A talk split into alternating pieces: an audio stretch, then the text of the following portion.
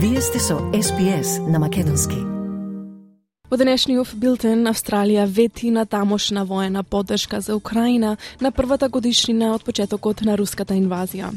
Шефот на македонската дипломатија Бујар Османи вчера во Обединетите нации упати силна осуда за воената агресија на Русија врз Украина и Австралиската безбедносна разузнавачка организација откри дека група странски шпиони која оперирала во Австралија во изминатата година наводно била поврзана со Русија. На СПС на Македонски следуваат вестите за 24 февруари 2023 година. Јас сум Ана Коталеска.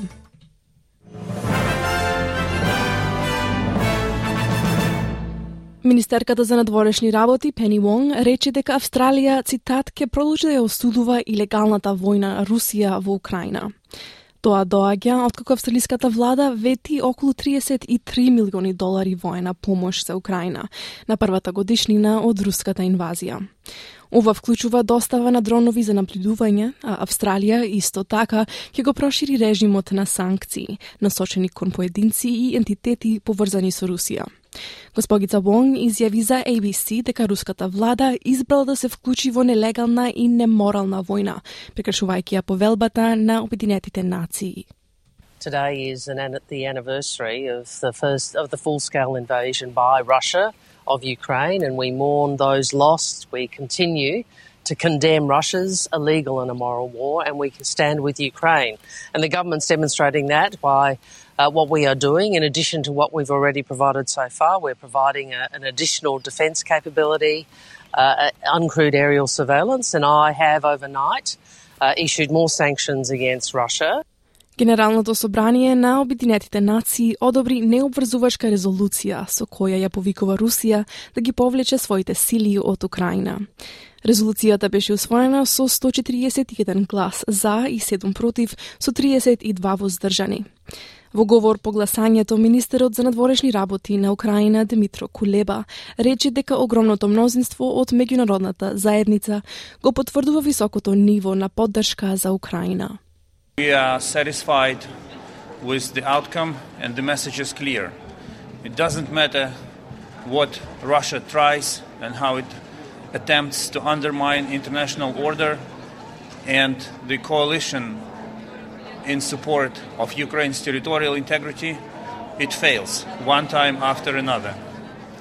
The coalition is there and it will be there as long as it is needed for Ukraine to prevail Генералното собрание стана најважното тело на Обединетите нации за војната во Украина, бидејќи Советот за безбедност, кој е задлужен за одржување на меѓународниот мир и безбедност, е парализиран од правото на вето на Русија. Денеска се навршува една година откако председателот Владимир Путин им нареди речиси 200.000 руски сили да ја нападнат Украина. Голем број земји широм светот ја покажуваат својата солидарност со Украина.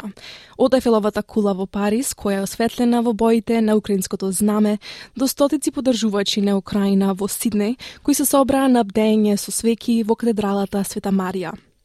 Откако започна инвазијата, Обединетите нации проценуваат дека се убиени повеќе од 7000 украински цивили. Повеќе од, повеќе од 130 руси загинале во борби, според најновите податоци на Министерството за одбрана на Украина. Татјана Пишна, која сега живее во Австралија, во март минатата година ја напуштила Украина со незината 13 годишна керка Анастасија. Таа го опишува шестдневното патување до Романија и потоа авионскиот лет до Австралија како најтешкото нешто во низиниот живот. I was in shock. Yeah, we go from Ukraine to Australia six days. Uh, it was a long, long travel. Yeah, and very hard, hardest in my life. Yes, very scary. In Ukraine was winter, minus 10, snow everywhere. It's evacuation bus to border to Romania.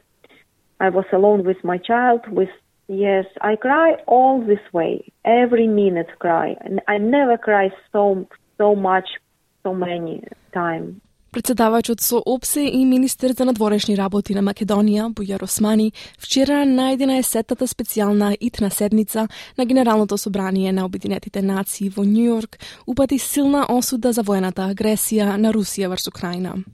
Османи ги повика сите членки на Обединетите нации да се солидаризираат со Украина и низиниот народ и да ја почитуваат повелбата на Обединетите нации која е нивна заедничка одговорност. Османи рече дека е недозволиво една држава со сила да ги менува границите на својот демократски сосед, да ја уништува неговата инфраструктура и да ја предизвика и да предизвика неподносливо страдање на цивилното население. In 2022, Russia decided to violate one of the most basic principles of international law and launch a fully fledged war of aggression against Ukraine, a UN founding member state and neighbor. This has shattered the peace and installed insecurity and uncertainty. The food and energy insecurity worldwide are only some of the direct consequences of this aggression. But the biggest danger lies in challenging the whole rule based international order. Австралиската безбедносна разузнавачка организација ASIO откритка група странски шпиони која оперирала во Австралија во изминатата година, наводно била поврзана со Русија. Nine Newspapers цитира неименувани извори дека шпионите се представувале како дипломати и действувале подолго од 18 месеци на повеќе локации, вклучувајќи ја и руската амбасада во Канбера. Тие наводно се обидувале да регрутираат австралици со пристап до доверливи информации и да украдат податоци. Шефот на Азио, Майк Бергес, во неговата годишна проценка на заканите, дадена предходно оваа недела, рече дека разузнавачите откриле група шпиони и ја отстраниле од земјава. Официјалната кампања за поддршка на воведување на домородниот глас во парламентот започна синоќа во Аделаид. Стотици поддржувачи се собраа во Националниот културен институт за абориджини Тандуа за промоцијата, локација што беше избрана со надеж дека ќе предизвика чувство на национална гордост и ќе привлече повеќе луѓе. Со цел референдумот да успее, потребно е да гласаат над 50 од гласачите на национално ниво, плюс мнозинство гласачи во повеќето држави.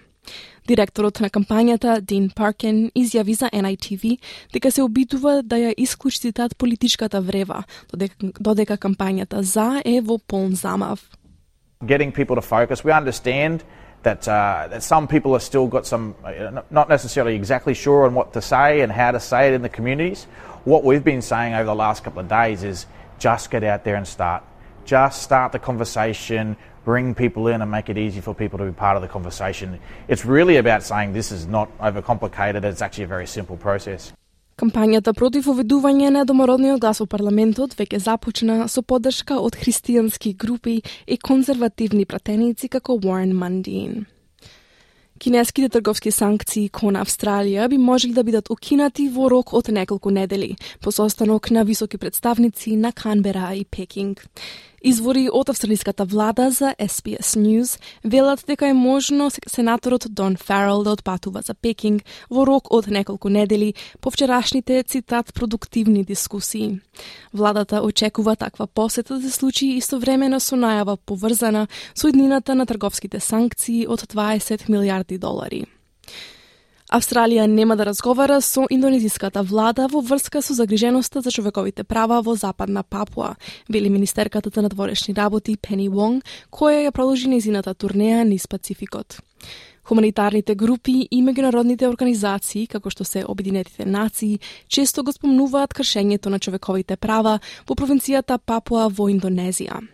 Обединетите нации минатата година објавија дека добиле наводи за неколку случаи на вонсудски убиства, присилни исчезнувања, тортура и принудно раселување на најмалку 5000 домородни папуанци од страна на безбедносните сили.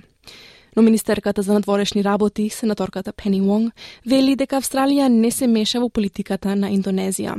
Таа вели дека суверенитетот на Индонезија е поддржан од двете страни на австралиската политика.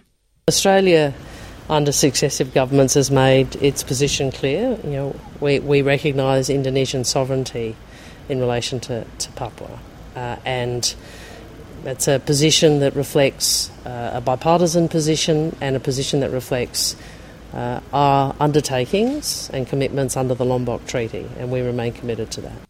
Холивудскиот продуцент Харви Вајнштајн е осуден на 16 години затвор, откако порота го прогласи за виновен за силување и сексуален напад врз италијанска актерка и модел во 2013 година.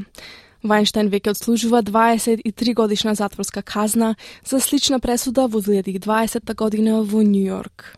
Во меѓувреме пејачот Ар Кели е осуден на 20 години затвор поради детска порнографија и подведување малолетници. Тој веќе отслужува 30 годишна затворска казна, откако беше осуден за рекет и трговија со луѓе. 19 од 20 години ќе бидат отслужени истовремено со предходната 30 годишна затворска казна, што значи дека тој ќе помине уште една година во затвор.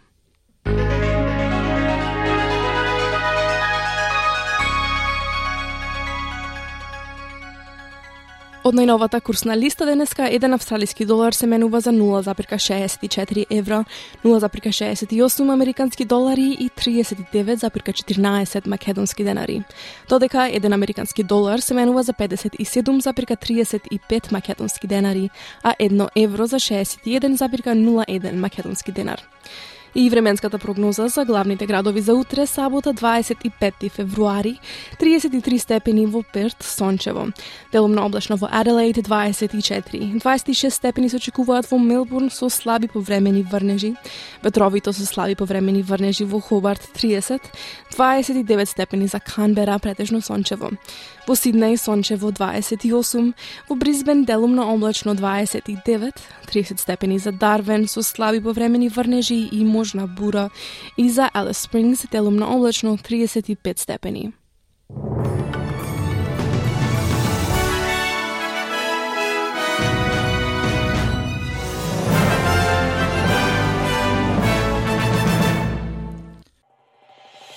Сакате ли да чуете повеќе прилози како овој? Слушате подкаст преку Apple Podcasts, Google Podcasts, Spotify или од каде и да ги добивате вашите подкасти.